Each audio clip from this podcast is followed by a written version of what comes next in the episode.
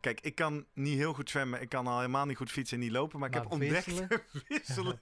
ik kan heel snel aan en uitkleden. Welkom bij de Slimmer Presteren podcast. Jouw wekelijkse kop koffie met wetenschapsjournalist Jurgen van Tevelen en ik, middle-aged man in Lycra, Gerrit Heikoop.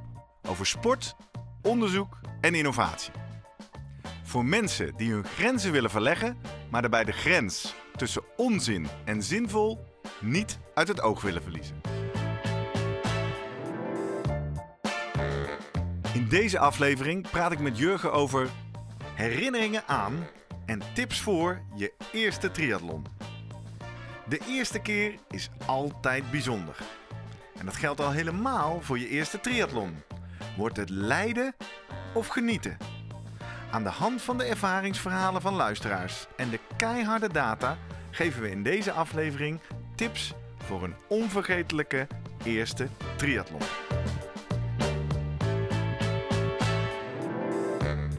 Voordat we beginnen, nog even drie dingen om aan te denken als jij zelf ook slimmer wilt presteren.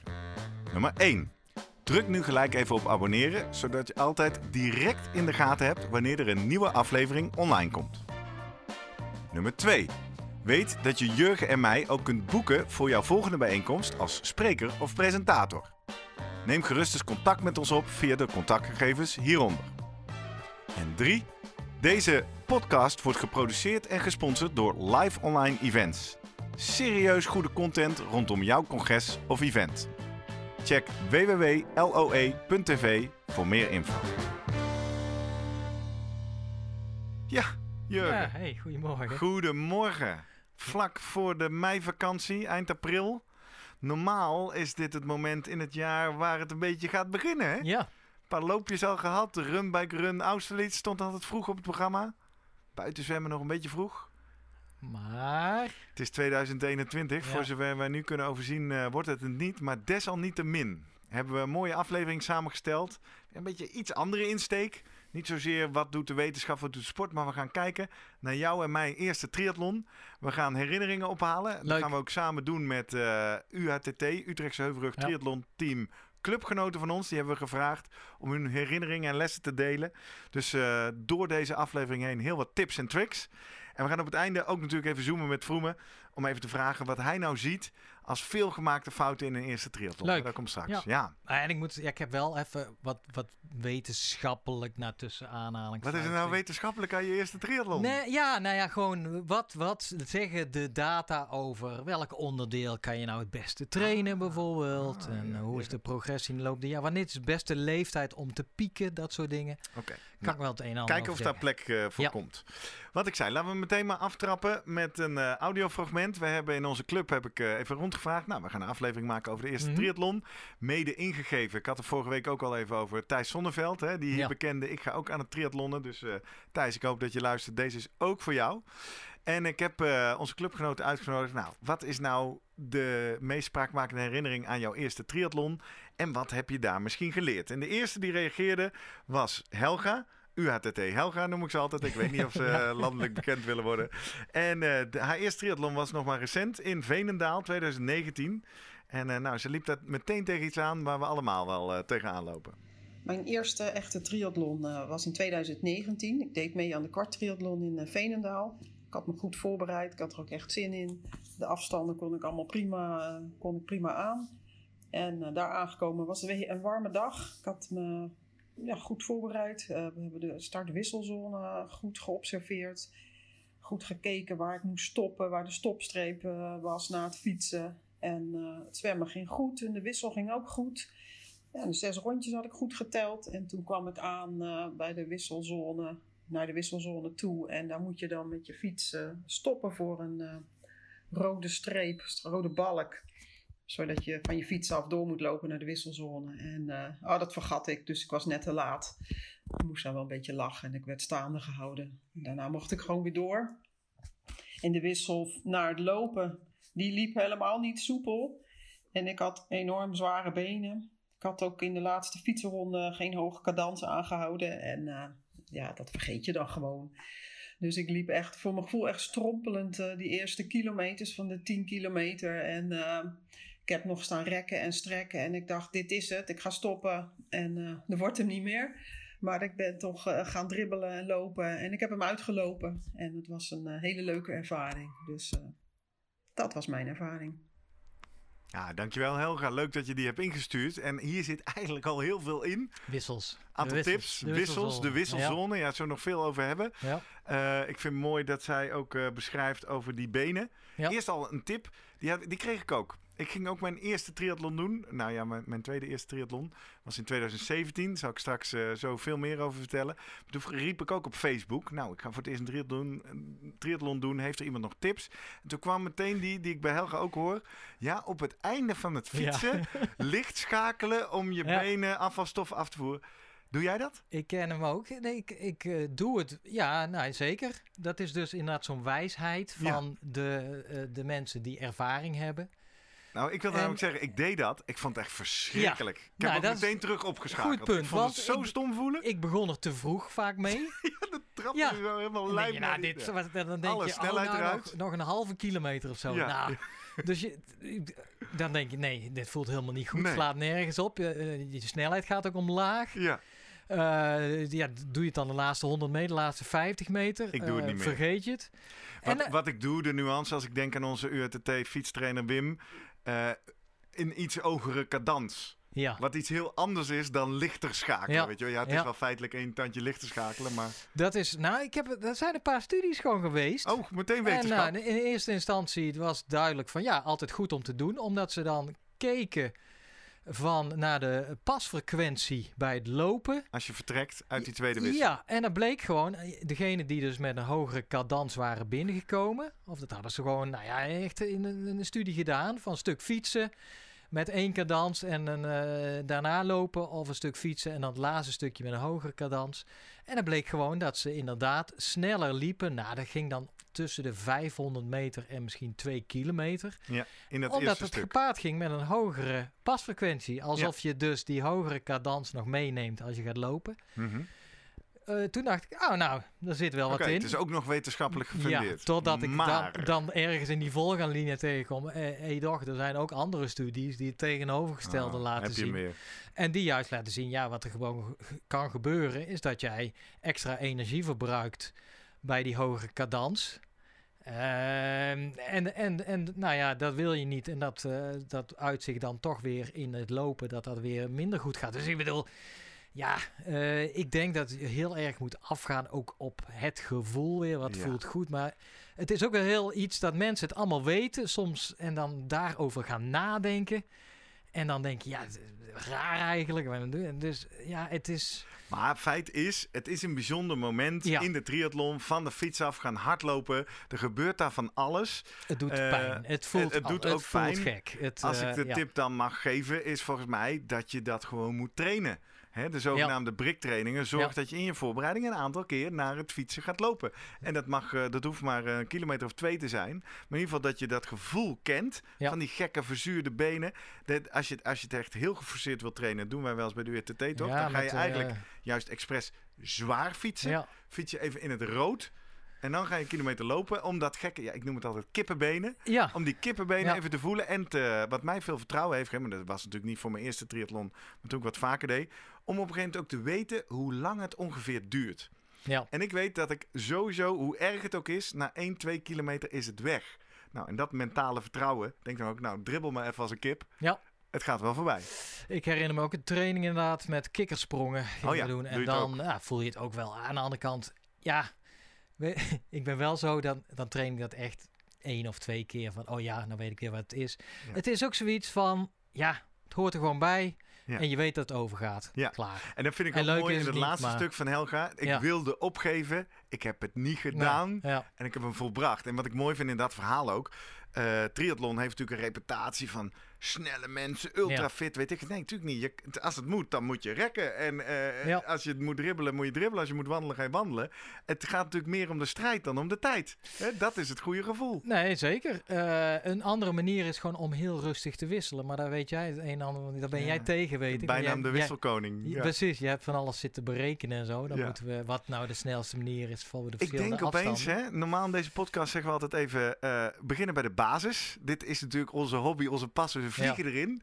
Misschien moet ik toch even uitleggen. Ja. Triathlon is natuurlijk drie sporten op een rij. Je Ja. gaat eerst een stuk zwemmen, dan ga je een stuk fietsen, dan ga je een stuk hardlopen. Daartussen zitten de wissels. Wisselen van zwemmen naar fietsen, van eh, fietsen naar lopen. En, en dit heeft wel te maken met de eerste triathlon, zijn we terug. Als je tegen mensen zegt, ik ga een triathlon doen. Ik weet niet of je dit herkent, maar dan heb je dus oh, zo, doe jij een triathlon? En dan denk je al, oh oh, ze denken Ironman. Ja. Want dat is natuurlijk wat mensen denken. Oh, dat is die gekke sport waar je 4 kilometer gaat zwemmen, 180 of 190 kilometer gaat fietsen Ja. en dan nog een marathon lopen. Dus dan moet je altijd uitleggen, nou, je kan ook korte afstanden triathlons Precies. doen. Sterker nog, hier is een tweede tip voor iedereen die een eerste gaat doen. Begin alsjeblieft met een achtste of een sprint triathlon. Dat wil zeggen 500 of 750 meter zwemmen, 20 kilometer fietsen en 5 kilometer hardlopen.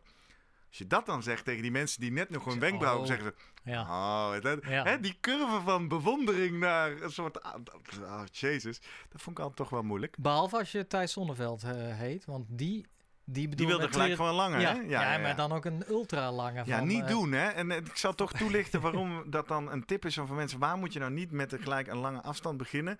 Wat je veel leest en hoort op de triathlon fora is dat het nu een soort bucketlist ding Ja. is. Eh, vroeger was het bijzonder als je marathon liep. Dat kan nu iedereen. Dat is niet waar, maar dat doen nu heel veel mensen. Dus nu is het bijzonder om een triathlon te doen. Maar wat je ziet, als je helemaal vol voor die hele triathlon gaat, dan bouw je en niet de vaardigheid op, dan bouw je Ja. niet het plezier op in de sport. Dus het algemene advies, als je lang wil blijven genieten van triathlon, ga maar eens een paar sprintjes. Ik heb mijn hele eerste jaar Alleen maar eh, sprintjes. alleen maar sprintjes gedaan. En het tweede jaar sprintjes en halve nog rodeetjes. ooit gedaan nee, ja, Nee. pijnlijk punt. Ja. Dat zou ik natuurlijk vorig jaar in 2020 gaan doen, maar er kwam een zeker virus voor om de hoek. Maar goed, laten we eens beginnen bij ons eigen begin. Ja. Jurgen, jouw eerste Ja. triathlon, wanneer Ik- was eh, die? Ik moet echt, ja, ik ben een pionier, hè. Dat eh, besef ik me dan een beetje, ook aan de hand van wat ik, wat ik hoor, ook van de mensen die het ingesproken hebben. En dan heb ik gelukkig... eh, We, we een- zien hier een foto Ja. van jou. Eh, en dit is leuk aan deze aflevering. En iedereen die nu luistert, ik nodig je uit. Ga ook zeker even naar YouTube. Want we hebben ook wat foto's verzameld. Onder andere van Jurgen en van mijn eerste triathlon. En eh, je vindt dat op YouTube door te zoeken op Gerrit Heijk, op mijn naam. En dan vind je ook alle Slimmer Presteren podcast. En we- zien hier een foto van een uitermate blije Jurgen van Tevelen. Met hele bruine benen. Nee, de man- de- jonge man D rechts. Dat is Ja. duidelijk, ja. Eh, beetje te wijd shirt aan. Nummer 101. Welk jaar is dit? 1984. Vermoed ik. Of 85 eventueel. Dit is jouw eerste triathlon. Ja, en eh, naast mij is, eh, is mijn broer. En die is net iets... Welke? De oudste. Klaus. hashtag vriend van de show. Ja, Ja, vriend van de show, Ja. Klaus van Tevelen. Ja. klopt. En die, die, die, ja, als ik net doe of ik het allemaal niet meer weet, dan dan stuurt hij me weer op. Hij weet alles perfect. Maar dat heeft ook te maken met de einduitslag. Die, eh, die hij dan ook nog ergens gevonden heeft. En daar staat hij netjes ergens in de top 10. Zo.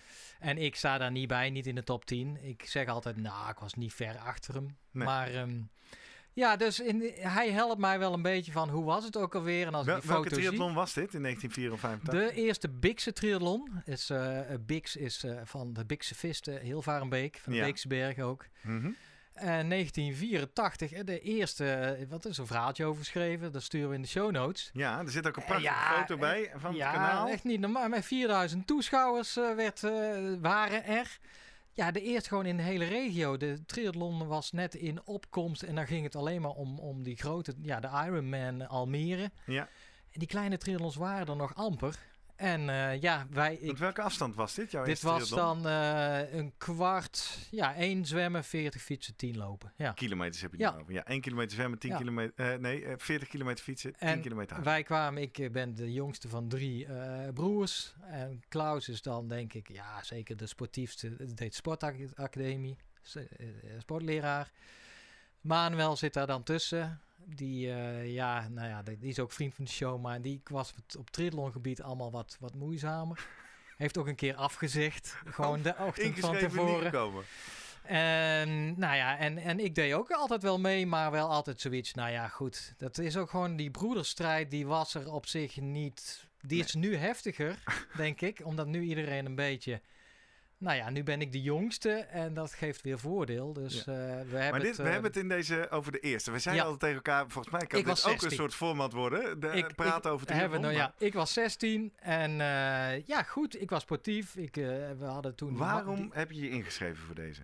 Dat was denk ik niet eens een twijfel over. Ja, Klaus zegt dan als het, dat gaan we doen. Dat gaan we doen. Ja. Ja. En ik denk, nou ja, het enige wat... Kijk, ik fietste al wel.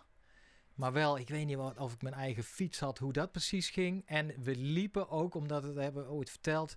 Heel Beek had ook een marathon. Ja. En dan met lussen van 10 kilometer, waarbij je dan kon kiezen of je voor een halve marathon of een hele. Maar uh, heel Beek gewoon een sportief dorp. En familie Vertevelen, dan zeg je, oh, die doen mee. Klaar, Ja. dat is gewoon geen... eh, dus ik kan me wel herinneren, nou, zwemmen was altijd mijn zwakkere onderdeel. Dus dat, ik heb best wel wat getraind daar. Ja. Tuurlijk. Ja. En fietsen en lopen.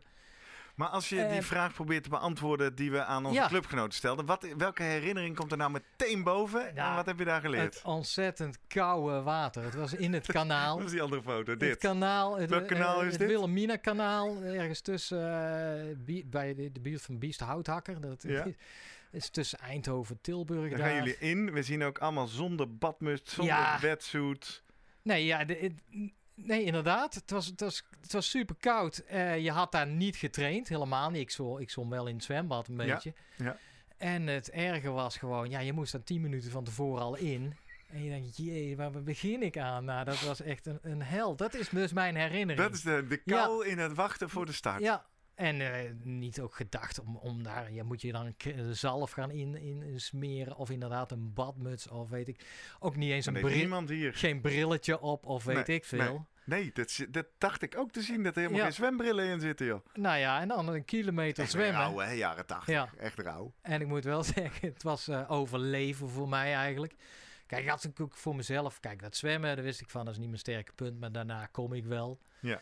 Eh, dus dat zwemmen, als ik dat achter de rug had, dan begon het genieten. Ja. Daar ben ik wel, kijk, dat zwemmen is nog steeds mijn En heb je, als je terugdenkt aan die eerste, ook genoten? Zat dat er ook al bij of was het vooral Leiden? Ehm, nee, ik heb. Ja, er zit van tevoren wel de, de befaamde wedstrijdspanning. Die is Mhm. er gewoon, die, die heb ik nog steeds.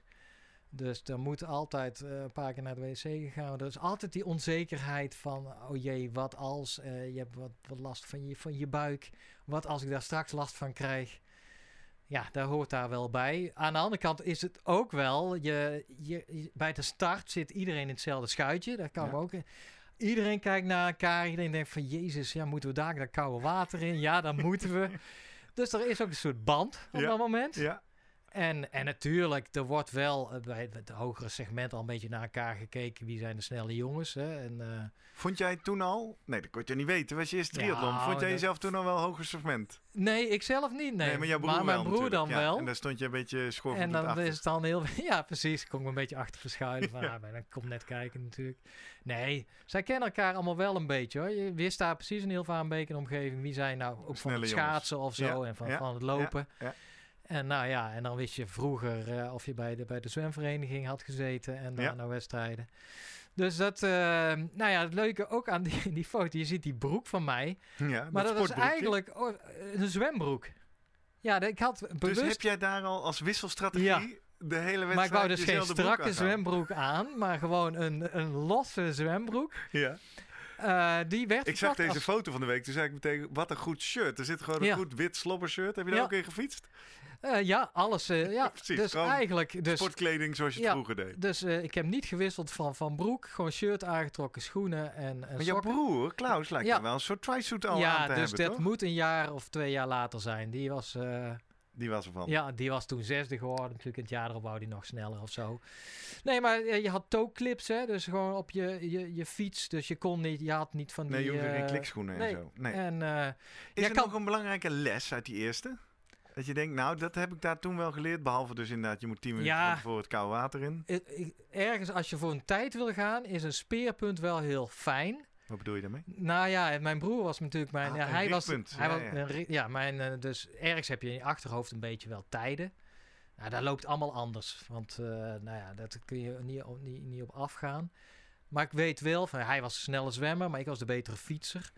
Dus dan ga je tijdens dat fietsen, ja, waar moet je aan denken, zeg maar? Ja, dat is toch gewoon, je kijkt voor je, waar, waar zitten mijn tegenstanders? En dan is het toch, ja, dat vind ik nog steeds heel fijn om een zwakke zwemmer te zijn. Ja. Omdat je dan bij de en een relatief betere eh, eh, fietser, loper, omdat je dan mensen inhaalt. Ja. Ja. dat is toch wel heel fijn als je gewoon... Je rijdt naar mensen toe, je haalt ze in, zeg nog even, nou, succes, hè. En je hoort ze mompelen en protesteren. Voor heel, heel, heel makkelijk Praat jij praten. veel onderweg? Ja, vooral als het goed gaat. Ja? Dan heb ik wel, Ja, kan ik wel ook genieten. namelijk hoor. Ja, Oh, hoort er ook een het beetje heerlijk. sociaal. Al je merkt dat Ik sommige... praatjes, vooral ook als ze me Ja. heel snel voorbij komen. Ja, Dat, want dan krijg ik natuurlijk die ego-knauw. ja, Maar ik ben al vrij snel aan gewend geraakt. Ik roep dan altijd iets zo van, zo, ja. jij kan hard fietsen. Ja. En dan krijg ik altijd een lach terug. Ja. Ja. ik vind dat ook gewoon leuk. Je hoeft niet te gaan zitten zagrijnen, toch? Nee, omdat je iedereen zit een beetje toch... eh, ja, je probeert op die manier elkaar wel op te peppen, zeg maar. ja. En iedereen heeft het denk ik net zo zwaar of net zo licht als ze het willen hebben natuurlijk. Ja. Dus dat, eh, ja, dat is denk ik de, de, de les. Of eh, ja, wat ik. Ja, kijk, qua voeding wist ik ook niks. Hè. Ik denk dat ik nog steeds met die, die bananen toen begonnen ben, natuurlijk. Ja, nu nog. Ehm, ja, en gewoon water. Ehm, ja, en ik was jong, 16. Ja, dan ging het allemaal best wel makkelijk. Ja. En ook het feit dat je in zo'n zo'n sportbroekje fietsen. Ik denk dat de dagen daarna was dit allemaal inderdaad kapot en, en rood. Geschuurd bedoel Ja, je. Geschuurd, je had ook binnenkant van je geen- geen benen. goed zadel. Ja, ja. Hoorde er allemaal bij. Ja. En je had een hele... en Ja, eh, Lekker. Ik en- krijg en- wel, als we het er zo over hebben, Jurgen. Oh, Ja, K-jaar. Wat heb ik zin om weer naar buiten te gaan om te racen. Mooi. Mooi. De eerste triathlon. Maar dit is jouw eerste, eerste, eerste triathlon. ja. Ehm, er is een soort heropleving, toch? Want Ja. er is eigenlijk nu een soort nieuw tweede triathlonleven. Ja, Wanneer is dat begonnen? ja, dat is dus... eh, even kijken. Ik denk het was drie of vier... Nee, vier, vier, vijf jaar geleden. Amersfoort. 2017. Ja. Keis, de Keistad. Echt? 2017? Ja. Serieus? Of 2018, denk ik. Ja, want 17 zou ook mijn... Ja, Ja. uiteindelijk wordt Nee, dat niet mijn 2000, eerste, maar ja. dat zou mijn eerste zijn. Ja. En dat is, nou ja, goed. Ik heb heel Waan Beek was mijn jaarlijks ding. Toen heb ik ooit bij studenten nog meegedaan. En eh, nou ja, ik hield het wat bij. Maar eigenlijk studententijd toch, nou ja, op een gegeven moment helemaal mee Raak gestopt. je het kwijt. Maar Wat was dan voor jou aanleiding om weer te beginnen in Ja. eh, 2017? nou, ehm, ik was een beetje, ja, ik heb jarenlang tennis als eerste sport gehad. Dat, dat kwam op een zijspoor door blessures. Nou, en toch de goede herinnering uiteindelijk weer naar eh, ja, triathlon. Dat je denkt, ja, dat was toch mijn Toch sport maar weer eens proberen, ja. En je weet gewoon, ja, je, je, duursporten liggen je wel, vond je leuk. Nou, en, en, en ook zo een beetje nieuwsgierigheid van hoe ziet het triathlonwereldje er nu uit? Ja. En is er veel veranderd? Nou ja, ja, de, de, de, profe, ja, de professionaliteit vond ik echt enorm veranderd. Kijk, ja, die foto's daar, dat is natuurlijk, wat je al zegt, eh, allemaal geen, geen badmuts, geen pak, noem maar op. Maar ook de fietsen, allemaal gewone fietsen of geleende fietsen. Ik heb een keer- een keer op een geleende fiets eh, ook meegedaan. Nou Dit ja, is een bruggetje. Ik hoor iets meer. over die geleende fiets. Ga nog even terug naar de jaren 80. Want wij hebben een oproepje gedaan bij de URTT. Wat is Ja. herinnering aan jouw eerste triathlon? Spreek de zin eh, in één minuut via audio. Op een of andere manier is die oproep ook buiten de URTT terechtgekomen. En vlak voor onze opnames vandaag bereikte via onze mailbox post.slimmerpodcast.nl mij een mooi bericht. En ik dacht, Ah. dit ga ik je niet vertellen. Dan ga ik je hiermee verrassen. Het is namelijk een bericht van Teun. En het is wat lang, maar ik ga het gewoon voorlezen. En dan kijkers op YouTube kunnen meelezen. Want het is namelijk zo mooi opgeschreven. Het was begin jaren 80, tijdens de vroege jaren van de middelbare school. Gregor Stam en Axel Koenders waren net de eerste Nederlandse kampioenen op de lange afstand. En sportminnend Nederland raakte in de ban van het fenomeen triathlon. Zulke buitensporige prestaties spraken de sportende jeugd aan. En dus organiseerde het Mill Hill College, jouw middelbare school, Ja. ik dan, klopt. een sprint-triathlon tijdens de jaarlijkse sportdagen. Het deelnemersveld was groot, vele klassen en jaren door elkaar heen, maar dat mocht de pret niet drukken. In ons jaar was Jurgen van Tevelen toch wel de favoriet voor de eindzege. Zijn broers deden er ook al aan en hij had geoefend, quote-unquote, had hij zich laten ontvallen. Hij had notabene ook nog eens een heuse racefiets met 10 versnellingen van broer Klaus geleend. De start was chaotisch. Een time trial start in het plaatselijke zwembad. Iedereen moest in zijn baan blijven en inhalen was bijna onmogelijk zonder trappen in je gezicht te krijgen. Bij het uitgaan van de kleedkamer keek ik Jurgen al op zijn rug en ik vroeg me af of dit door de time trial start kwam of omdat hij echt harder had gezwommen. Het maakte niet uit. Het gat zou alleen maar groter worden, schrijft Teun. Ik had mijn drie versnellingfiets eerder die dag uitgeleend aan een ouderejaars voor zijn wedstrijd. En kwam er bij de transitiezone achter dat het spatbord bijna was afgebroken. Die bleek tijdens het fietsen ook daadwerkelijk af te breken en op mijn band te schuren. Snel probeerde ik Jurgen nog bij te halen. Meteen maar in zijn derde versnelling en doormalen. Ik kwam geen centimeter dichterbij en blies me compleet op. Gevolg, als een hark gelopen met uiteindelijk een vijfde plaats als resultaat. En dit vond ik een mooie zin. Jurgen Oh, maakte zijn favoriete rol laar. dat hoor ik niet vaak. Geleerde lessen. Focus niet op anderen tijdens de race. Ja, Teun, dat was duidelijk hier het geval. Les 2. Ga rustig van start bij het fietsen. En onderschat het slopende effect van de stress en de sprintjes tijdens de transities niet. Kijk, Einde bericht. ja, nee. Wat een ik- coole wil, hè? Ja, zeker. En ik, ik zit ook hier. Dus als je mij vraagt... Wie, mijn- wie is Teun? Even zijn is klasgenoot van de een eh, goede vriend van me. eh, ja. Vriend van de show ook, volgens ja, mij. middelbare school gezeten. eh, samen gestudeerd. eh, in huis gewoond bij elkaar. Sportief gebleven. Hij zit nu al eh, tien jaar zo'n beetje in Zwitserland. Ah. En ik kijk wel eens jaloers naar hem, omdat Zwitserland is... Mooie ritjes waarschijnlijk op straat. Ja, nou en het, sportland bij uitstek. Ja. Ik bedoel, daar is het heel, het is echt een triathlonland ook nog. Ja. Hij kan natuurlijk alle kanten op. Eh, hij woont bij Genève, dus kan meer van Genève. Daar, eh, daar duikt hij regelmatig in.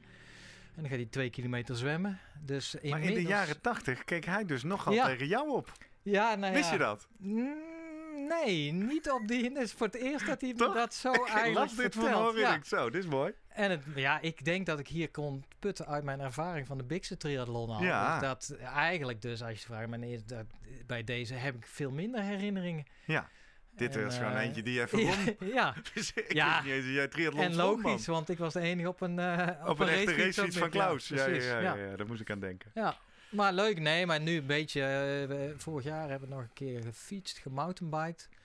En Teun, ja, ik moet zeggen, dat, al dat sporten, dat... eh, doet hem goed. Het doet hem goed. Dus De rollen zijn omgedraaid. het is wel eens leuk. Ja, nou ja, er sta- staat ergens nog eens een keer om samen eens een triathlonnetje te doen. Kwart, of misschien de halve van Genève, of weet Oh, ik veel. leuk, leuk, ja, leuk. zeker. Mooie ja. doelen. Ja. Mooie doelen. Ja, ik ben, als ik heel goed graaf, heb ik ook in de jaren 90, begin jaren 90, met een middelbare school triathlon Ah, meegedaan. kijk. Maar ik vind hem niet tellen, want wij schreven ons daarin als trio. Ah ja. En we hebben toen wel gewonnen. Dus in die zin besef ik me, ik heb ook een keer op een triathlon podium gestaan. Maar als, nee, dat was niet dit. Eh, jij wijst naar het scherm. Dit Ja. is dadelijk mijn eerste Ah, echte oké. triathlon in Ja. 2017. Komt zo. Maar ik denk even toch naar de jaren 90. Eh, trio, ik zwemmen, Mhm. notabene. Het fietsen werd gedaan door eh, Jeroen van Helvoort, heette die volgens mij. Ja. Eh, die uiteindelijk ook een soort amateur profcarrière wielrenner heeft gehad. Ik weet niet hoe ver is. Ik heb gegoogeld, maar ik kan hem niet vinden. Ja. En hardlopen werd gedaan door Steve Akerboom, die in de jeugdselectie bij RKC zat. Dus we Ah, waren ook een lekker ja. team. Blijkbaar Ja. kon ik toen al enigszins zwemmen. Ja, wonnen. Maar ja, trio, ik vind dat toch niet tellen.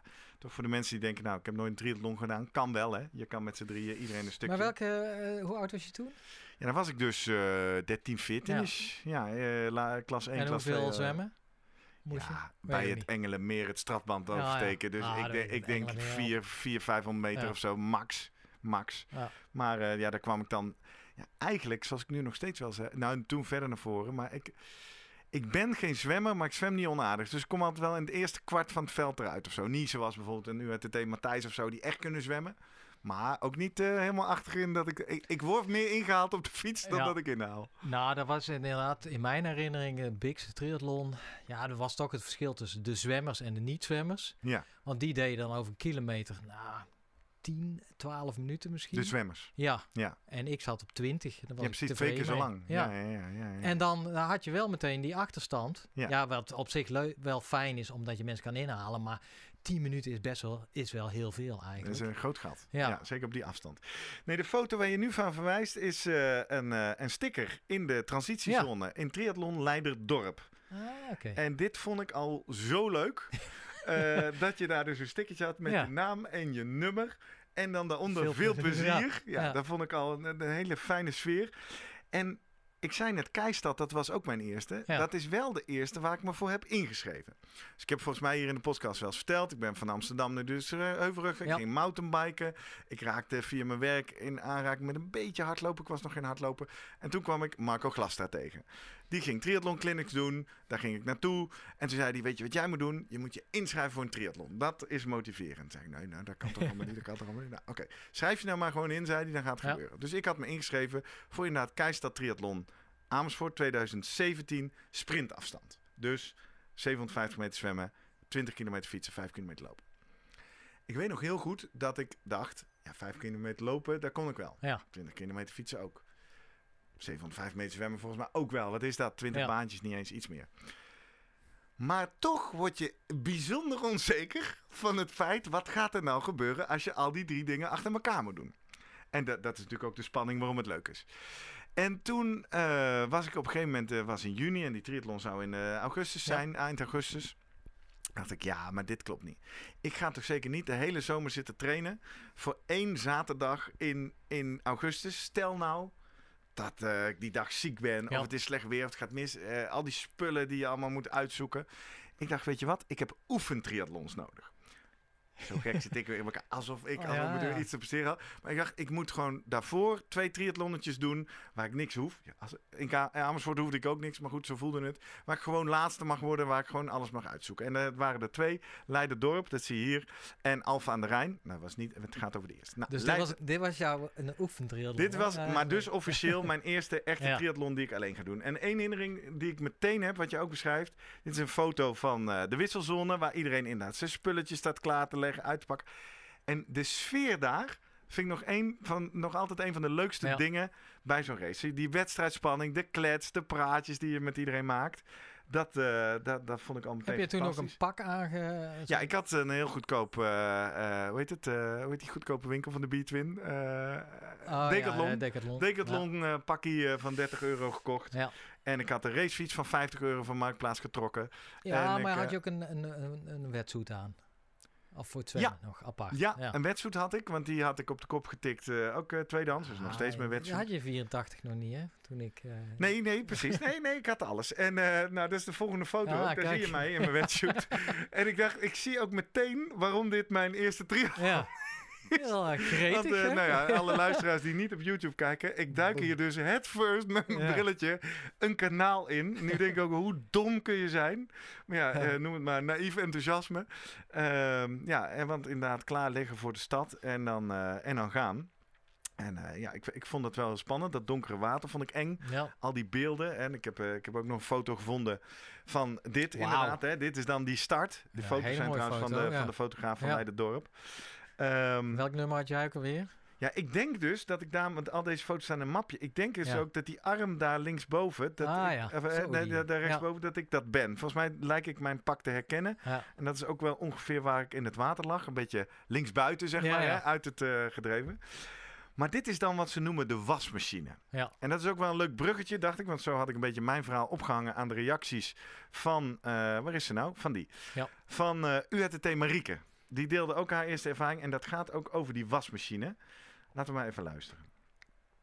Mijn eerste triathlon was in Utrecht in 2013, eh, toen de start en finish nog in het centrum waren. Eh, het zwemmen eh, ging vanaf de Veilinghaven over het Merwedekanaal. En het zwemmen, daar ging het ook mis. Uh, het was één grote wasmachine uh, in het water. Nou, ik uh, raakte claustrofobisch van het feit dat ik weinig zag en vooral heel veel benen en eh, voelde. Dus mijn ademhaling schoot omhoog, hartslag zat ver boven waar die zou moeten zijn. En eigenlijk het op een gegeven moment stond ik bijna alleen, dus zou het wel rustig moeten gaan. Maar ik bleef de, de, onrust houden. Dus ik heb een heel groot deel schoolslag, rugslag, ik heb van alles gedaan. maar niet heel veel borstrol. En kwam ook als een van de laatste het, het water uit. Gelukkig ging het fietsen en hardlopen wel, wel goed. Maar dat zwemmen en vooral die gezamenlijke start, daar moest ik echt heel erg aan wennen. Maar het heeft me er niet van weerhouden om het vaker te doen. Ja, herkenbaar hè. Dat, dat zwemmen is voor veel mensen toch de allergrootste drempel. De wasmachine is gewoon op het enge af. Ja. En uh, ik hoor hier twee tips, uh, soort van die ik ook wel vaak zeg als mensen voor het eerst een triathlon gaan doen. Eén, schoolslag is oké okay, hè. Heel veel mensen denken, oh dan moet ik 750 ja. meter borstcrawl. Ja, dat is natuurlijk onzin. Uh, mij valt op, ik weet niet of je dat herkent, dat misschien wel de achterste 30 tot 40 procent van het veld gewoon schoolslag zwemt. Mm -hmm. En dat is oké. Omdat je anders inderdaad richtingen opgaat die je niet helemaal Ik weet niet wil, waarom die mensen doen. Ja. Omdat ze niet kunnen, omdat Ja. ze scheef gaan, weet ik veel. Maar het is meer even Om energie te sparen, ja. Als mensen dit horen op weg naar een eerste... Joh, als het niet lukt of als je in de stress gaat, toch gewoon schoolslag zwemmen. Nee, maar die wasmachine die herinner ik me niet zo van het kanaal, eh Wilhelmine kanaal, omdat dat breed is. Ja. En ik wel heel voorzichtig al een beetje achteraan ook begon. Ik laat iedereen maar starten. Die wasmachine herken ik wel van de Keistad eh, triathlon. Ja, want dat is een heel smal kanaal. Maar, Ja. En ik ook iets had, ja, ik, ik nou misschien, eh, ik dacht, ik dacht, ik ga het gewoon eens anders aanpakken, nu anders. Ik Dus ga gewoon vooraan Oh ja. staan, want dan, Ja. nou ja, dan, eh, dan, daar win je altijd mee. Ja. Maar ik moet zeggen, man, daar krijg je inderdaad trappen en duwen en, Ja. Ja, en inderdaad je adrenaline zit eh, super daardoor hè. Ja. En daardoor kun je niet meer rustig ademen. Daardoor Nee. kom je ook niet in je slag. Ja. En, eh, nee, mijn tip is inderdaad enerzijds, ik ga, ik ga wel vooraan. Omdat ik dus weet dat ik vrij aardig Ja. kan zwemmen in het veld. Maar wel altijd aan de buitenkant. Dus ik zoek een soort van de buitenkant op. En dan even snel weg. Ja. En dan daarna wel rustig aankomen. En dan komen er nog wel een paar over me heen. Maar dat, nou, soms letterlijk, maar meestal figuurlijk. Ja. En dat is prima, want dan, dan is er al wel ruimte genoeg. Zeker bij Keistad, Amersfoort moet je gewoon even naar die brug toe. Ja, Als je precies. helemaal voorbij die brug Ja. bent, dan gaat het wel. En wij hebben dat eh, bij de URTT, met de clinic, met onze Jacomina, ook gewoon echt getraind hè, in het Henschotenmeer. Zoek elkaar maar op en raak maar gewend aan, Aan, het feit dat je ja. aangeraakt wordt bij het zwemmen. En dan merk je wel, dat kun je wel trainen. Maar het is gewoon wel onprettig. En volgens Ja. mij, als je weet van jezelf dat je niet snel zwemt, ja, neem je verlies en ga maar inderdaad naar de buitenkant of daarachter of wat dan ook. Ja, dat is ook de hele. Ik denk de eerste triathlon is denk ik voor de meesten toch zoiets gewoon eh, lekker eh, afmaken. Ja, en, en ervaren, veel plezier- ja, Niet racen. Kijk, eh, dan zou ik inderdaad kiezen gewoon kies een rustig plekje en eh, ga gewoon je eigen tempo, toch? Ja, ja, mij betreft wel. Tenzij je natuurlijk iets hebt, ja, als je nou heel slim alle ja, energie spaart. Het is allemaal pacen natuurlijk, hè? Ja. Energie sparen. Ja. Ja, dat is toch de, de, de beste manier. Is een de slipstream meteen van iemand, hè? Ook bij het zwemmen. Ja, maar luister, Jurgen, daar heb ik echt een paar jaar over gedaan om dat omdat, te leren. In de zin ook, ook omdat ik, je bent gewoon fysiek bang voor die voeten, toch? Want je bent bang dat je trap in je gezicht krijgt of zo. Ja, dat was ook een soort mindset dat je denkt, oké, de eerste minuut is kloten, dan moet, ik- daar Ja. moet ik doorheen. En dan heb je, als je dan een goed iemand, een goede tempo groep hebt, Ja, ja, dan kan je van elkaar gaan profiteren. Maar dan ben je denk ik al... dan, dan ben je eh, niet in je eerste nee. triathlon. Ik moet denken aan, eh aan Sjoerd, URTT Sjoerd. Die heeft ook een bericht ingestuurd naar ons. En eh, die heeft het even voor na de wasmachine. Want Ah, ja. net zoals jij eh, in dat kanaal in Hilvarenbeek en in Amersfoort. het kanaal heeft bruin water. ja. Hi, goedenavond. Sjoerd Doormans hier. Mijn eerste triathlon. Dat was de triathlon van Beest. En als ik één ding heb geleerd, is het kijken, kijken, kijken tijdens het zwemmen. Eh, het was zwemmen in een riviertje. Het was smal. Ik had veel te weinig gekeken. En voor je het weet, voor ik het wist, zat ik in het riet. En vervolgens, iedereen kwam langs me heen. Ik moest weer uit het riet. Ik lag weer vijf plaatsen achter. Je moet kijken. Dus wat heb ik geleerd? Iedere zes slagen even siten, even kijken, vervolgens ademen en op koers blijven. Niet achter anderen aan zwemmen, goed kijken waar je naartoe moet. Hey, zet hem op, veel succes voor de eerste triathlon en we zien je snel. Hoi. Herkenbaar, ja. Ja, wel herkenbaar. Hij zegt dan niet achter anderen aan zwemmen. Nou, een beetje op afstandje vind ik soms wel fijn. Ja. Met hetzelfde zoeken naar iemand Nee, met hetzelfde tempo. of- eigenlijk moet je dit allemaal oefenen, hè? Ja. In, in buitenwater, maar dat meeste En dus accepteren dat je dat niet genoeg geoefend Dit hebt is gewoon geen zwembad, dat is duidelijk. Nee.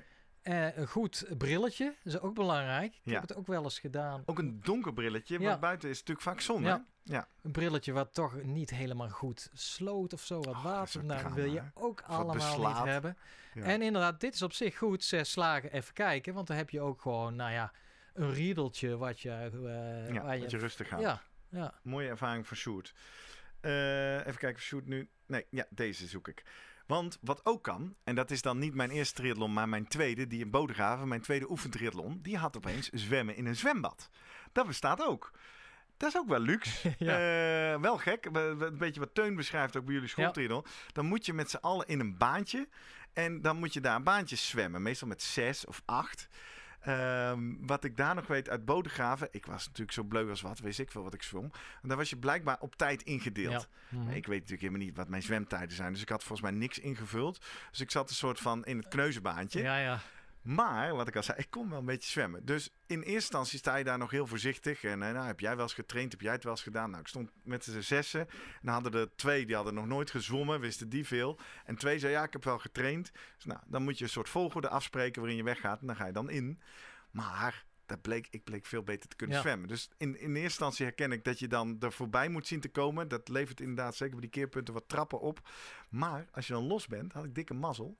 Want dan heb je vrije baan. Ik heb namelijk later ook nog wel eens een zwembad eh triathlon gehad... waar je wel op tempo ligt. Ja, maar dan ja. ben je gewoon eigenlijk de hele afstand met elkaar aan het klooien. Dus is jouw tip dan altijd... Schrijf je Ja, ja, in veel langzamere baan. Ja. En zwem van de kop weg.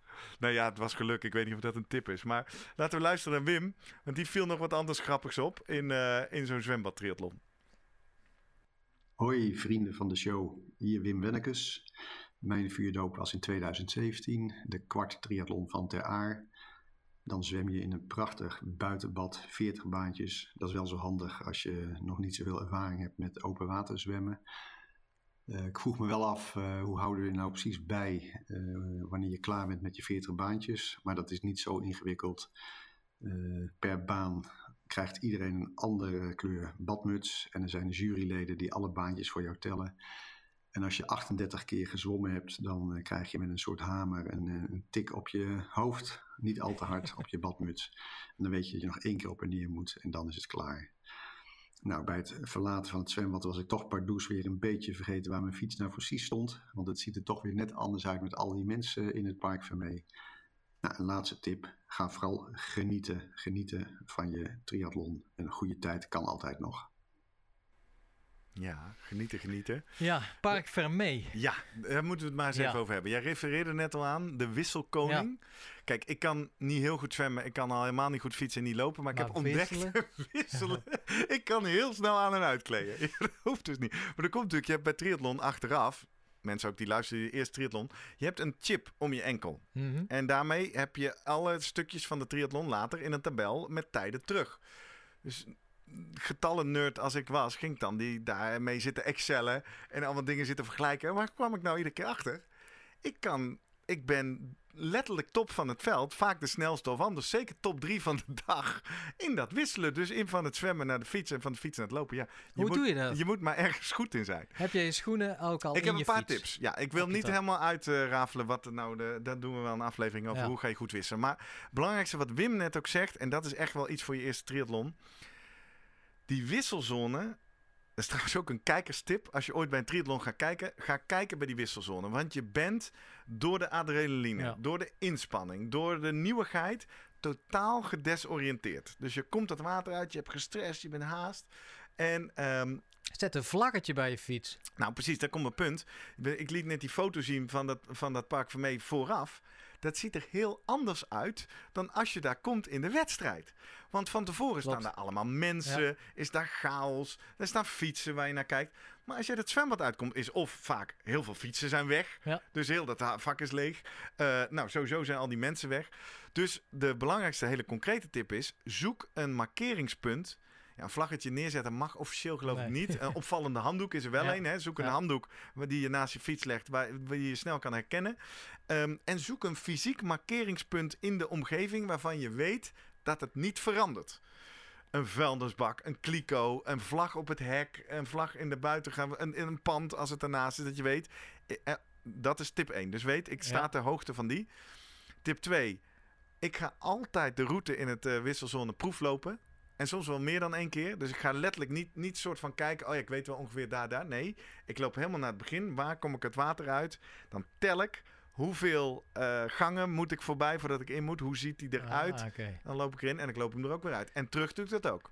Wandelend of hardlopen? nee, zo wandelen. Nee, maar gewoon visualiseren. Want, want Maar dan moet je dat allemaal wel onthouden, zeg maar. Dat zit toch... ja, het is gewoon imprinten of zo. Hè? In ieder geval. eh, Noteer je het op je hand. Nee, eh, dat niet. vijfde- nee, nee, nee. Gewoon, ik, ik beeld het me heel erg in. Ik kom Ja. straks dat water uit, heb ik wetsuit aan. Wat moet ik dan doen? Ja. Dan moet ik hier naartoe. Dan kom ik. Nou, en dan heb ik inderdaad inmiddels geoptimaliseerd wat ik in die wissel doe. Namelijk zo weinig mogelijk. Ja. Dat is voor je eerste triathlon niet zo relevant.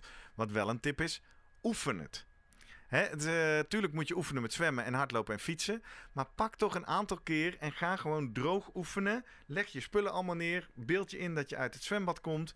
En wat doe je dan? In welke Ja. volgorde? En er is ook wel wat te zeggen over welke volgorde het slimste is. Maar het belangrijkste is dat je niet daar nog moet gaan nadenken over wat moet ik eigenlijk doen. Ja, Dan nee, weet je één ding zeker, dan komt het niet goed. Ja. Dus dat, dat is... eh, Ja, ik, ik ben er heel erg van, nou, nee, ik, ik neem altijd mijn rust, maar dat kost wel een minuut, twee minuten soms extra. ja. Echt, eh, tot, tot bij, vooral met, ik heb het een tijdje, En plekken, hè? Want ik ga dus in die Excel kijken. Ik haal gewoon Ja. tien man in in een wisselzone. je zag toen, had ik ook sokken aan.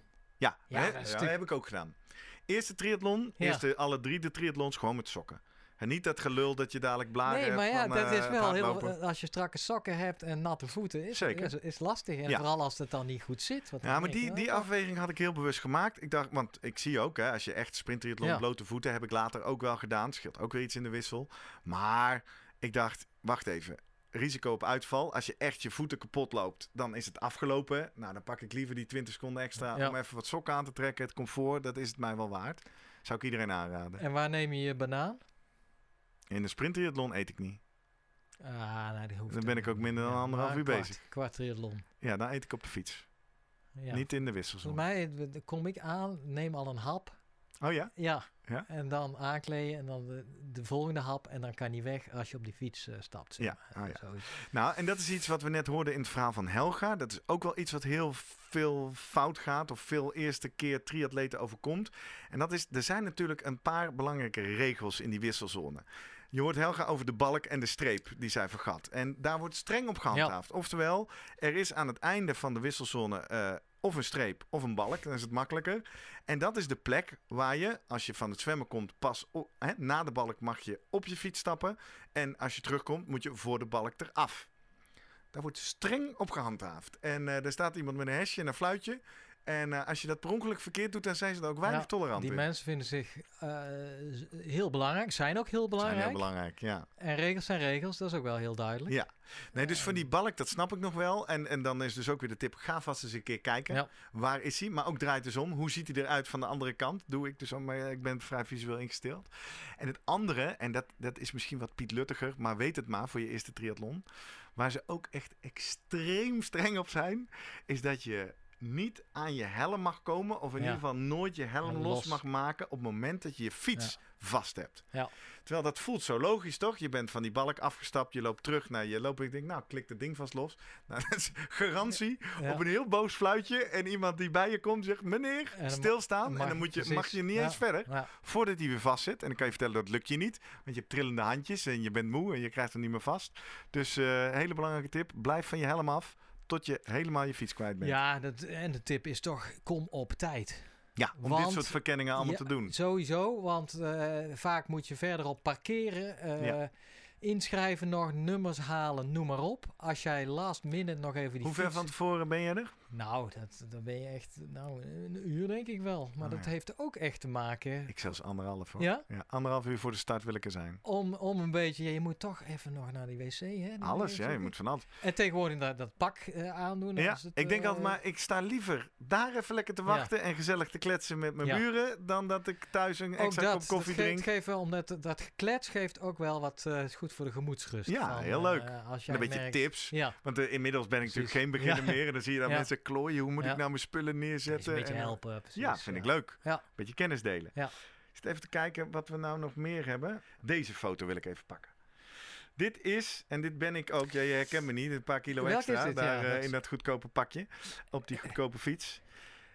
Het fietsen. Een van de herinneringen die mij echt is bijgebleven uit deze eerste triathlon, en dit is ook prachtig met het molentje, maar ik heb nog een foto, dan zie je hier het overzicht. Op een gegeven moment viel mij op stil het is. het was daar super druk, zoals je ziet. Er waren Ja. daar heel veel mensen. Het was een grote N-weg. Het was doodstil. Ja. Ik vond dat zo bijzonder. Je hoorde alleen het gezoem en het gezoef van die wieltjes. En verder, ja, af en toe wat geheik als eh, iemand langs je kwam. Het, het, het, het was gewoon sereen. Ik vond het echt prachtig. Prachtig. Het was ook een mooie dag natuurlijk. Zonnetje erbij, niet te veel wind. Hoe zit jij in het eh steren? Ja, Net zoals ik zit met het autorijden. ja precies. Oké. Oftewel, nou, ik, weet heel goed, ik weet Ja. heel goed wat de regels zijn. Voor de mensen die op weg zijn naar een eerste triathlon. Steren, oftewel in het wiel hangen van iemand, is uit den boze. Je moet eh, minimaal 12 eh, meter, zeg maar 6 fietslengtes eh, afstand houden. En dan moet je via de andere kant van de weg erlangs. Ja. binnen 30, nou reken maar 25 seconden. Zo niet, loop je het kans. Er rijden motoren rond op de weg. Nou, je ziet hier op de Ja, foto ook een motor. precies. Als we dat zien, krijg je gele kaart, krijg je tijdstraf, Ja. allemaal ellende. Dat zijn de regels. Maar Ik heb twee manieren waarop ik daar een beetje elastisch mee omga. Ehm, ik steer mentaal. In de zin, ik hou mijn afstand wel. Maar je hebt, wat jij al zei, Ja. je hebt een richtpunt. Dus Ja. je hebt gewoon toch iets om je aan vast te klemmen. En je probeert dan in ieder geval het gat gelijk te houden. Ja. Nou, dat mag volgens mij gewoon. Nee, maar dat is het. En Die, die wetenschappelijke studies zijn er ook. ja, hè, dat ja je precies. het net gewoon even- wetenschappelijk gebaseerd. Ja. ja. Dus dat mag, absoluut. En daarnaast moet ik bekennen dat ik in mijn eerste jaar nog niet hoor, maar toen ik wat langer dacht ik, ja, waarom ook niet? Ik bedoel, de regel is je moet er binnen 25 seconden langs. Waarom zou ik dan die eerste 10 seconden niet even pakken? Eens. Ik besef me terwijl ik het zeg, het is volledig against the spirit of sports.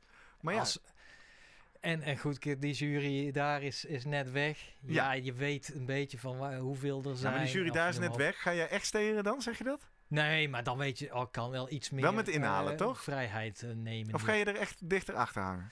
Nou, de, ja. Echt? Ja, dat... eh, Weet je dat ik, want zo scheiterd ben ik dus ook. Voor de mensen die denken, waar hebben ze het nou? We hebben het over gehad in de laatste doping special. helemaal op het eind zet je mij voor het blok. Hoe ga ik om met mijn normen en waarden en regels? ja.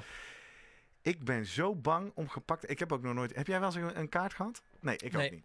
Ik zou me zo Ja. kapot schamen. ja, precies. en ik ja. weet, ik, eh, de allerlei atleten die misschien nog luisteren, die kaarten worden soms eh, lichtvoetig en, en, en onrechtvaardig uitgedeeld. Maar ik wil, eh, je wilt toch geen kaart hebben, joh? Nee, Het zou nee, me dat is kapot schamen. erg, ja. Nee, dus ik smokkel wel een beetje in binnen de marge dat ik denk, nou, die, ik, ik, ik haal rustig in.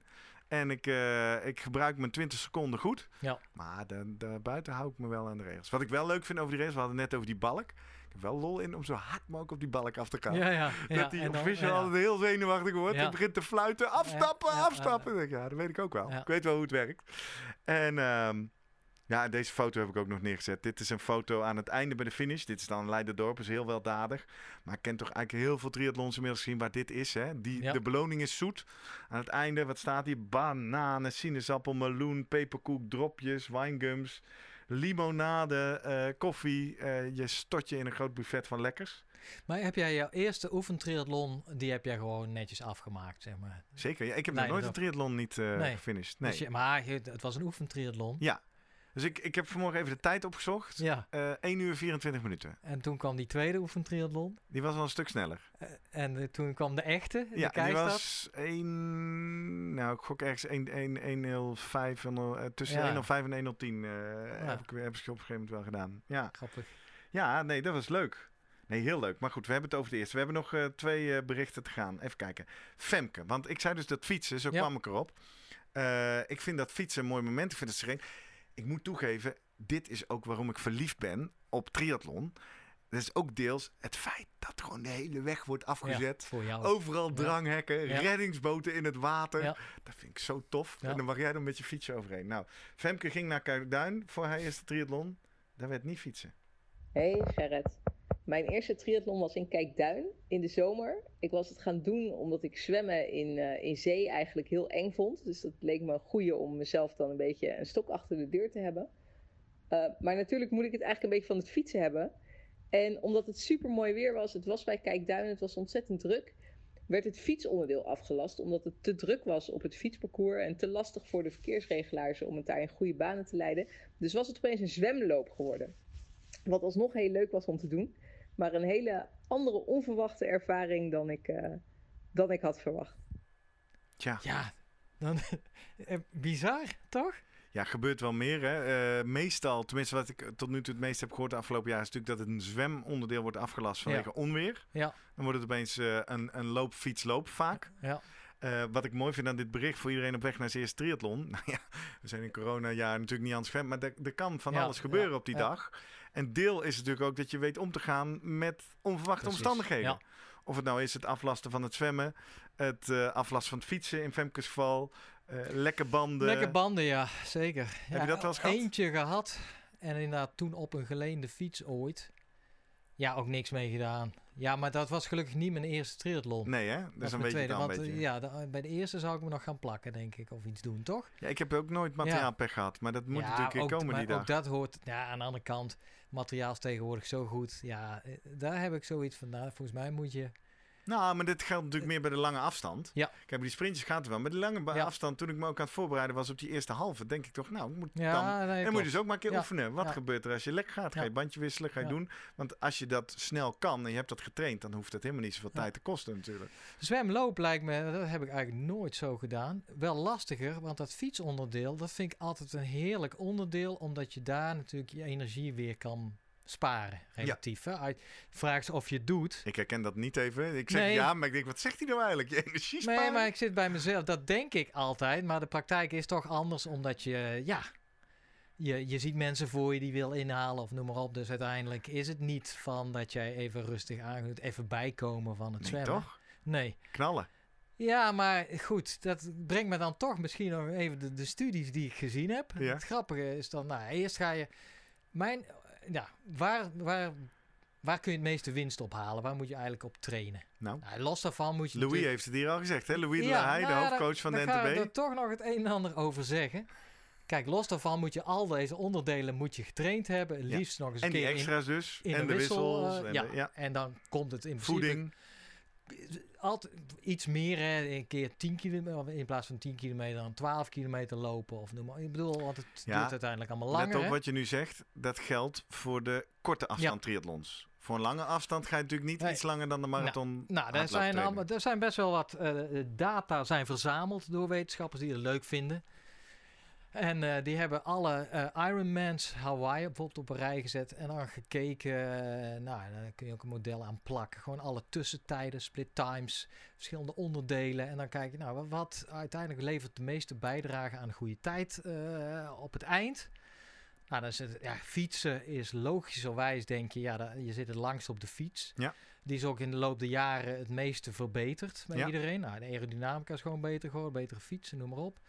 En de bijdrage eigenlijk van de fietsen is, is bij zo'n Ironman het grootst.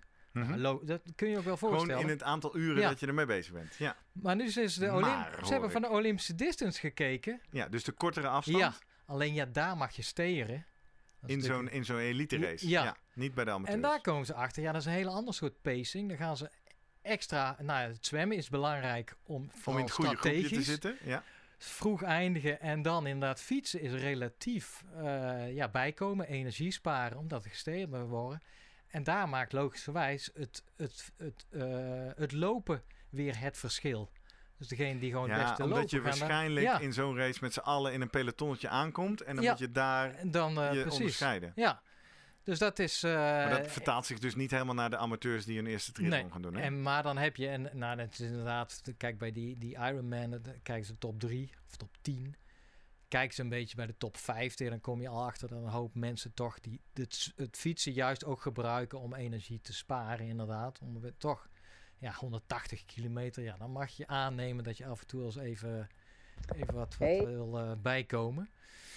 Maar ehm, nog even over het Louis-verhaal. Ehm, Louis de Lahaye heb Ja. het over. Aflevering, moet ik even spieken, nummer 49. en, en nee, wa- 40. 40. Wat, vro- wat wij vroegen hem eh, de, de gouden tip voor eh eh, triatleten. Ja. Eh, toen zei hij, je moet fietsen. Fietsen trainen. lopen? Ja. Ja, en dat was eigenlijk toch, want daar profiteert ook het lopen van. Ja. Ehm, Ga je hier toch nog een boompje over ja, opzetten, nou ja, ik heb toch wel wat studies opgezocht. Ik kan er wel zeker wat in vinden. Dat je eigenlijk energiesystemen, mitochondriën, eh, noem maar op, spieren, je hart, eh, allemaal traint. Ook bij het fietsen. En dat je niet elke dag kan gaan lopen met alle belasting voor, voor Mhm, knieën en mhm, gewrichten. Mhm. Maar ik heb ook wel studies gevonden die laten zien... ja, maar je moet echt... het lopen moet gewoon ook echt goed getraind worden. Los van die studie met die Ja, OD. dat wat zei hij jij- natuurlijk niet, hè? Nee. Voordat je hem dadelijk weer woorden in de mond en dat is wel, ze hebben een groep eh, hardlopers, wielrenners, triatleten, hebben ze wel eens gekeken naar de, ja, heb je hem weer, efficiëntie, Ja. efficiëntie van het lopen en het fietsen. Mhm. En dan, eh, nou ja, wat je dan doet, is dan zet je mensen op een loopband of op een, eh, een, een ergometer en een beetje zuurstofconsumptie. Ja. En dan kun je aan de hand daarvan eigenlijk bepalen van hoe goed kan iemand met zijn zuurstof omgaan? Hoe Ja. efficiënt wordt die omgezet in, in energieverbruik? Ja. En dan bleek gewoon dat de, ja, eh, voor het lopen waren de lopers het absoluut het beste. En die waren 20% beter, efficiënter liepen die dan wielrenners. Dus Ja. dit waren wielrenners die nooit liepen. Mhm. En triatleten waren dan, nou ja, die zaten daartussenin. Nou, dus dat betekent dat de lopers waren, nou ja, eh, eh, gingen efficiënter om bij het hardlopen. Maar bij het fietsen was dat helemaal niet, dat ge- geval zag je niet. Dus het was niet dat de wielrenners efficiënter fietsten dan de hardlopers. Kortom, er is iets met fietsen, waardoor de effi- efficiency train je niet door meer te fietsen. Maar door slimmer te fietsen dan, of zo. Ja, waarschijnlijk op andere manieren. Maar het Ja. is dus niet. Dus het is daadwerkelijk, wil jij efficiënter leren lopen, dan moet Jij je zit hier lopen. een beetje de hoofdcoach van de NTB tegen te Wil je efficiënter fietsen, ja, dan eh, maakt het niet uit. Dan hoef, daarvoor hoef je niet spe- specifiek op een fiets te zitten, te Hmm. trainen. Nou, dat vond ik toch best wel even... Ja, vind ik ook interessant. Ik vermoed dat eh, we hier eh, Louis verkeerd Ja. interpreteren. Maar Ja, is zeker. dat dan maar toch. aanleiding voor een follow-up. Nee, maar ja, de, de, de korte boodschap van ga vooral fietsen en dan komt het lopen wel goed. Dat is dus zeker niet het Ik ben hier wel een beetje blij mee, want hij zei dat toen en het voelde contra-intuïtief. Ja. Ik merk ook dat ik gewoon het lopen heb, moet voor mijn gevoel meer trainingsarbeid insteken om, om goed te kunnen lopen. Maar ja, nou ja, ik fiets ook niet zo sterk. Dus ja, maar wat, wat vind jij zelf het fijnste onderdeel? Poeh. Ook Ja, mentaal. Ja, daar wordt mij vaker gevraagd en dan kom ik altijd uit bij wisselen. Nee, Ja. Eh, nee ja, dat dat heb ik niet zo echt. Want ik, ik vind gewoon het geheel zo leuk. Wat ik, Ja, zeg, ja. ik vind eigenlijk vooral die dag nou, zo leuk. ik vind het lopen dan toch wel het lekkerste. Dan, Ja? eh, ja, ook het nou, feit van, nou, Daar heb ik het meeste pijn. het, ja, maar het, eh, de finish is in zicht. Ja. Nee, ja, maar zo heeft elk Eh. onderdeel wel wat. Snap je? Dus ik, ik vind zwemmen... Wat ik leuk aan zwemmen vind, is dat ik daar relatief goed in ben in het veld. Dus ik kom daar in het eerste kwart eruit. Dat vind ik leuk. Ja, maar En- geniet jij daar dan ook echt van? Ik Eh, zou dan toch nog iets, wel. Ik zou Heeft- nog iets hebben, ja, maar ik moet nog even, oké, ja, nee, ja. drie jaar. Maar daar kan ik inmiddels van genieten. Eh, vervolgens, ja, fiets, wat ik leuk vind aan fietsen. Het gaat hard. Het is die rust, de omgeving. Het, het spel met de anderen. Vind ik ook heel leuk aan fietsen. Doet wel pijn. Ik ben er niet zo goed in. Dat vind ik dan weer minder leuk. Ja, ja. En bij lopen, ja, dat gaat me oké af. Maar ja, ja, nou, ik vind lopen leuk los. Maar ik weet niet of ik dat nou in de triathlon het leukste... Nee, ja, dus het is voor mij wel het hele pakketje. Een hele pakketje. Ja, is hele mooi, pakketje. Ja. Dan komen we op het onderwerp genieten. Wim Wendekes zei het al, geniet van. Ik kijk ook naar de klok. We moeten nog Ja. met Guido eh, zoomen en vroemen. Maar we hebben nog een leuke boodschap van vriend van de show, Remco Rennes. Hey, Jurgen en Gerrit. Hier een bericht van jullie vriend van het eerste uur. Wat een leuke vraag naar de ervaringen van mijn eerste triathlon. In 2009 werd ik gevraagd en uitgedaagd om aan een triathlon mee te doen. Ik had wel eens een marathon gelopen en fietste zomers veel in voorbereiding op het schaatsen in de winter. Ik ben altijd een duursporter geweest en geniet doorgaans extra lang van het parcours en omgeving. In de uitslagenboekjes van vroeger begin ik stevast achterin te bladeren. Snel ben ik nooit geweest. Toen bij mijn eerste kwart triathlon in augustus 2009 in Veenendaal merkte ik dat als je met drie onderdelen aaneengesloten redelijk uit de voeten kan, ik ook redelijk voorin eindigde. Een totaal nieuwe ervaring en sindsdien ben ik gevallen voor de triathlonsport. Als je bovendien op een tropische dag op het mooie zonovergoten parcours en groene gras van de transitiezone in Veenendaal begint, ligt de lat wel erg hoog voor volgende triathlons. Totdat natuurlijk volgend jaar onze eigen heuvelrug triathlon rondom het Henschotenmeer en over de heuvelrug eindelijk kan worden georganiseerd. De Heuvelrug Triathlon, misschien wel de mooiste en groenste, maar zeker de langst voorbereide triathlon van Nederland. Ja, mooi hè. Ons Ja. eigen clubje, de UHTT, de Utrechtse Heuvelrug Triathlon Team, ging in 2020 zijn eigen triathlon organiseren. En helaas, Ja, zoals we maar weten, roet in het eten Nee. dit jaar weer. Maar hij komt er, dus eh, laat dit ook een mooie reclamespot zijn voor die triathlon. Leuk, eh, goed verhaal, Remco. Ja, eigenlijk, triatleten kunnen niks. Natuurlijk zijn nergens echt zijn goed nergens in. een kanjer in, behalve alles Ja. samen. Ja. maar dat is ook als je mij Ja. vraagt, wat vind je het leukste? Ja, Ja. nou, dat, dat ik alles een beetje kan. Ja, nee, klopt. Nou, ik- en het trainen, dat je ook niet elke dag... Ja, niet Ja, die afwisseling in trainen. Nou, dat is misschien nog een, een laatste voordat we naar Guido gaan. Thijs vroeg ons toen in die podcast van... eh, ja, kan, kan 10 tot 12 uur in de week trainen, is dat genoeg? Toen riep ik, ach man, 4 uur Ja. is al genoeg. Nou, dat is misschien niet voor Thijs Zonneveld, want die wil natuurlijk meteen winnen. En die wil een hele doen. Maar zeker voor je eerste triathlon, als dat een sprint of een Olympische afstand triathlon is... dan is vier uur in de week, waarmee ik bedoel alle sporten een Ja. uurtje. Als de basis goed ja, is, dan kun je dat ja. echt met veel plezier gaan doen. En al die onzekerheid over kan ik dat wel, joh. Als jij gewoon 10 kilometer kan hardlopen, kun je ook een sprinttriathlon.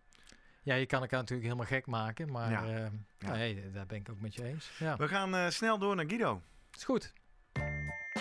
We gaan zoomen met zoomen. Zoom, zoom, zoom. Vroom, vroom. Guido, goedemorgen. Hey Guido. Goed dat je er weer bent. Wij eh, hebben een beetje een bijzondere aflevering. Weinig wetenschap, veel eh, mooie sterke verhalen. En dan zoomen we specifiek in op eh, onze eerste triathlon. We hebben wat clubgenoten gehoord. We hebben Jurgen en mij uitgebreid gehoord. En we willen zo even van jou horen. Je begeleidt natuurlijk atleten, bijvoorbeeld naar hun eerste Ironman. Of je daar veel gemaakte fouten ziet. Maar toch eerst ook even bij jouzelf beginnen. Weet je jouw eerste triathlon nog? En wat, wat, wat is een, een herinnering die eruit springt van die eerste triathlon? Ja, dat was echt wel eh, al, eh, toen ik nog eh, in Limburg woonde. Dat was een beetje de begin, ik denk eind jaren 80, begin jaren 90, een beetje zo dat proberen. Ehm, was- volgens mij was het ergens in Susteren, bij een, een of ander eh, leertje op een camping. En ehm, ik, kon, ik voetbalde alleen maar. Dus ik kon eigenlijk, en fietsen dat kon denk ik ook altijd wel, maar zwemmen denk ik nooit. Dus dat was, dat is die start man in dat meer, dan was ik al meteen, denk, oh mijn god. Eh, hoofd boven water houden en ademen blijven. Dat was eigenlijk het belangrijkste. Ik denk, jeetje, als ik hier maar uit het water kom. en eigenlijk is dat een hele triathlon carrière wel zo gebleven. Echt, zwemmen, dat eh, heb ik nooit goed kunnen leren. Nee, de, de, befaamde wasmachine, daar hebben we het net ook al even over gehad. Oh. Heb jij eh, heb je nou nog een belangrijke les uit die, eh, uit die beginperiode? je zegt, nou, de- dat deed ik daarna altijd anders. De belangrijkste les voor eh, degene die eh, de eerste triathlon gaat doen. Ja, ik denk dat dat de belangrijkste les is dat je altijd een keer in het buitenwater moet gaan zwemmen. Hm. Dat moet je altijd doen. Hè? Want triathlon is ten eerste, tenzij je natuurlijk een triathlon gaat doen waar je in het zwembad ook moet zwemmen. Maar de meeste triathlons tegenwoordig is buitenwater zwemmen. Oefen dat gewoon heel goed. Weet je, de, laat je, de, de meeste die maken daar maken de fout, die, hebben- kunnen goed zwemmen. Die hebben nog nooit ergens in een meer gezwommen. En dan ineens, dan slaat de schrik werkelijk helemaal op je lijf. En eh, paniek en eh, alles verkrampt. En eh, ademhalen gaat niet meer. En ja, aan die boot gaan hangen van ik kan niet meer. Ik ben helemaal stuk. Ja, ik kan het niet meer. Dus daar, daar, daar gaan de meeste eh, dingen fout. En, en dat moet je echt gewoon goed, eh, goed proberen te oefenen. Zodat je daar gewoon comfortabel voelt. Ja. Voordat we nou eh, die mensen die hier naar luisteren zeggen... ik ga op weg naar mijn eerste triathlon heel bang maken. Misschien ook wel goed, hè? Je weet niet wat je niet weet. Eh, Guido zegt hier al even aan de boot hangen. Er zijn nogal veel kano's en surfplanken en reddingszwemmers om deze massa Ja. heen. Omdat die ook wel weten dat het kan zijn dat je in paniek raakt. En mocht je dat gekomen, eh, hand in de lucht en ze komen zo bij je. Eh, de, de verdrinken er weinig tijdens een triathlon gelukkig. Het, voelt, het, het voelt soms anders. Ja. Maar vind jij een triathlon met eh, in het zwembad ook nog net geen echte triathlon eigenlijk? Of, eh, Ja, dat zei Guido een beetje tussen neus en lippen. Ja. Nou, kijk, eh, ja, ik heb, ik heb net verteld, ik heb allebei eh, gedaan. Ik vind het wel een lekkere start, maar ja, ja dat vind ik Ja. wel net geen echte triathlon. Ja, klopt. Maar het is wel, wel veilig starten. Ja. ja. Hey, wij hebben het in deze aflevering veel over korte afstanden gehad. Eh achtstes, sprintjes misschien. Jij coacht en traint natuurlijk ook atleten die opgaan voor die lange afstand. Een halve of een hele triathlon. Soms ook misschien voor hun eerste keer. Wat, wat zie jij nou als veelgemaakte fouten of welke tips kunnen we mensen meegeven die voor het eerst opgaan voor een lange triathlon? Ehm, in de wedstrijd bedoel je dan? Ja. Ja. Ja. Nou, te hard van start gaan. Hè. Eh, met name dan eh, als ze op je fiets stappen. eh, ze hebben gezwommen. Eh, en daar kom je meestal wel redelijk fris wel uit het water. Maar je barst van de energie natuurlijk. Eh, je hebt getraind. Je hebt als het goed is de week daarvoor wel een beetje rustig aangedaan. Dus je, hebt, en je wil heel graag. Nee. Eh, dus de motivatie komt je oren uit. En dan echt gewoon ja, het voelt zo makkelijk aan dat eerste uur. En dat tweede uur, dat hè, door. Hè, het zou eigenlijk wat rustiger moeten, maar het voelt zo goed aan. Luister naar, hè, maak een plan van tevoren wat, goed, wat, wat reëel is en hou je daaraan. En denk niet van, ja, maar weet je, al die tijd die ik nu kan winnen, daar heb je, dat is maar al wat binnen. Dat heb ik al. Maar dan betaal je tien keer zo hard terug. He, op een gegeven moment bij het fietsen, uh, dan wordt het dan het eind zwaar. En dan moet je nog aan het lopen beginnen. En dan is het eigenlijk, je normaal gesproken aan het lopen beginnen. En dan nog dat gevoel hebben van, wow, ik kan nog steeds uh, keihard gaan nu. Ik heb nog steeds echt heel veel zin en motivatie. De laatste 10 kilometer, dan wordt het zwaar en dan mag ik redelijk zwaar hebben. Uiteraard, dan ben je wel lang bezig. Maar het moet niet al op zijn op de fiets. Dus uh, vermogensmeter, denk ik, hè? Die helpt daar wel bij. Ja, toch? Ja, ja, ja. ja. En, en daar weet, weten, wat, weten wat je kunt, hè, op, op, op welke afstand, hè, als jij vijf uur op de fiets moet zitten, weten welk vermogen je dan kunt rijden. Dat is kennis van je eigen lichaam. En dan tijdens die race je daar ook aan houden. Daarnaast zorgen dat je dus ook nog een goed voedingsplan hebt, waar je je ook aan houdt. dus de energie die je verbruikt, daar moet ook weer zoveel mogelijk van erin komen. Want heb je gewoon nodig. Ja. ja, ook al heb je geen honger of voel je anders, denk je, ach, ik kan wel een keer overslaan. Altijd ja, niet wachten. volgen. Nee, niet wachten tot je denkt, oh ja, ik heb nu al trek. Nee, gewoon om het half uur een beetje blijven, uh, blijven aanvullen. En uh, nog even de transitie uh, fietsen lopen. Raad jij nog mensen aan om inderdaad de hogere cadans in de laatste kilometers of wat, wat lichter te fietsen qua versnelling? Of is dat een beetje achterhaald, dat idee? Maar bij sommigen werkt dat natuurlijk wel. Hè? Dat je een beetje de druk van, de, van je bovenbenen afhaalt en daar even wat souplesse in gaat brengen voor het lopen. Het belangrijkste doe ik altijd, is eigenlijk in de voorbereiding, uh, gewoon minimaal één keer in de week echt een brik, een koppeltraining. Dus als je gefietst hebt, gewoon meteen van de fiets af, fietsschoenen uit, loopschoenen aan en dan 20, 30 minuutjes hardlopen.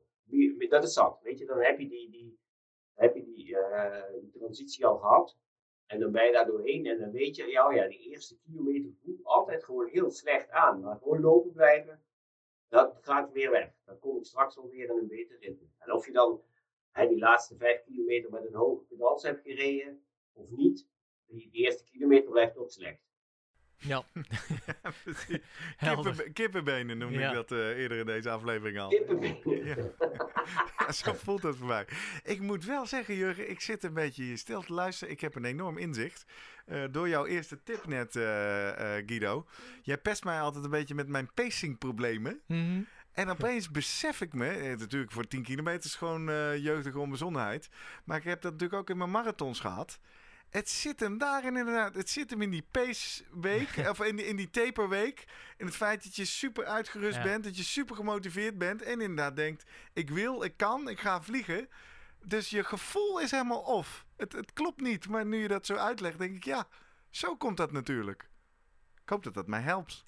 Ja, ja, ja. ja nou, daar is een plan dus ook heel belangrijk voor. Hè? Dus als je een plan maakt voor dit soort hele lange evenementen, uh, als dat goed in elkaar zit, Ehm, ja, dan, dan, dan heb je ook het risico dat je eh, te hard gaat in het begin, hè, waarbij je te veel energie verspilt. En dat risico heb je dan niet. Je moet je aan het plan houden. Ja. Stick to the plan. Ja, nee, ja, ik vind het ja, ja, stom. Ja, iedereen zegt dat, maar ik, ik, ik heb, ja, ik, ik, ik kon niet zo goed begrijpen eh, waarom dat niet lukte. Ja. Omdat ik dacht, ja, maar ik had toch een plan. Ja, maar ik voel me toch zo fris. en eh, ik voel me uiteindelijk toch wel slecht. Maar het is, het is het feit dat dat gevoel niet klopt omdat je natuurlijk in weken lang heb je trainingsbelasting gehad. Dan heb je twee weken of zo getaperd. Waardoor je hele beleving van wat is zwaar ja. een, eh, een soort van, van de schaal is. Ja, nee, maar ik heb wel een beetje plannen. Maar ik dan voor iedereen die de hele doet. hoe hard zwemmen, hoe, hoe hard fietsen, hard uh, lopen, welke voeding en zo. En, uh, ja, ik heb wel eens voor, uh, voor een dame een plan gemaakt voor de hele van uh, Lanzarote. Ja, alle drie de onderdelen zaten binnen een minuut van elkaar. En uiteindelijk zat er nog, bij de finish zaten er volgens mij iets van 10 of 20 seconden zat ik naast haar eindtijd. Nou, dat was bizar. en ze had ook niet over aan het einde. Stiekem, ja. Nee, nee, ja, nee, niet, volgens mij niet. Nee. Ze was niet aan het kijken, weet je, het kwam zo uit. En ze heeft, zich natuurlijk wel aan, aan het pacing gehouden. Maar bij die marathon, ja, dan ga je gewoon op het laatst. Dan zie je wel hoe ver, hè, waar je nog ook uitkomt. Ja, weet je, nou, daar komt het dan ook uit en dan klopt het toch. Mooi, mooie, leuke lange aflevering volgens mij. Even een iets andere insteek. De eerste triathlon. Uh, dank Guido voor deze waardevolle tips op het einde. Hebben we toch uh, de tipswaarheid van deze aflevering weer wat omhoog geschroefd. Dank ook aan alle UATT-teamgenoten voor uh, jullie bijdrage aan deze podcast. Dank ook aan Teun, ja. jouw klasgenoot voor de geschreven bijdrage. En uh, mocht je nou naar aanleiding van deze aflevering hulp nodig hebben, nee. Mocht je net zoveel zin krijgen als wij in een leuke triathlon, deel je ervaring met ons. Bijvoorbeeld ga ons volgen en uh, deel met ons uh, hoe jouw voorbereidingen gaan, waar je tegenaan loopt, hoe het gaat op uh, Twitter of Instagram via de @slimmerpodcast kun je ons vinden. Je kan trouwens Jurgen en mij en uh, Guido volgens mij ook uh, vinden op Strava. Even zoeken, dan kun je ook zien hoe het met onze trainingen gaat. Op dit moment niet heel erg naar een wedstrijd toe, maar wellicht komt het allemaal wel weer. Um, je kan naar onze website www.slimmerpodcast.nl. Daar kun je ons uh, ook allemaal vinden. Daar kun je van iedere aflevering een pagina vinden. Daar kun je onder reageren. Of je kan naar ons mailen naar post.slimmerpodcast.nl. En toch even, ik heb het al een paar afleveringen niet meer genoemd. Maar een van die berichten van Wim Bennekes kwam binnen via het platform Vriend van de Show. Daar kun je namelijk dit soort audioberichten bij ons achterlaten. Vind je dat leuk? Doe dat vooral. Als je daar toch bent, dan kun je dus ook een bijdrage leveren ja, met de portemonnee. Je kunt vriend worden officieel, waardoor je ons ook financieel een steuntje in de rug geeft. En daarmee kunnen wij dit soort mooie afleveringen blijven maken. En jou blijven inspireren op weg naar uh, je volgende triathlon, je volgende marathon, nieuwe schoenen, ja. slimme supplementen, nou wat het ook allemaal maar is. Dus uh, leuk dat je luistert en uh, hopelijk tot volgende week. Guido, tot volgende week. Jurgen. Tot volgende week. Yo. Hoi. Hoi.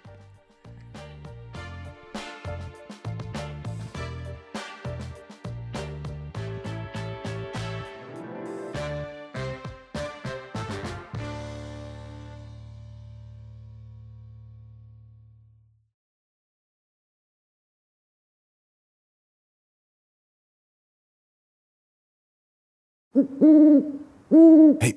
Voordat je weggaat, denk er nog even aan uilentorenloop.nl. Dan zien we je de eerste zaterdag van juni. Tot dan!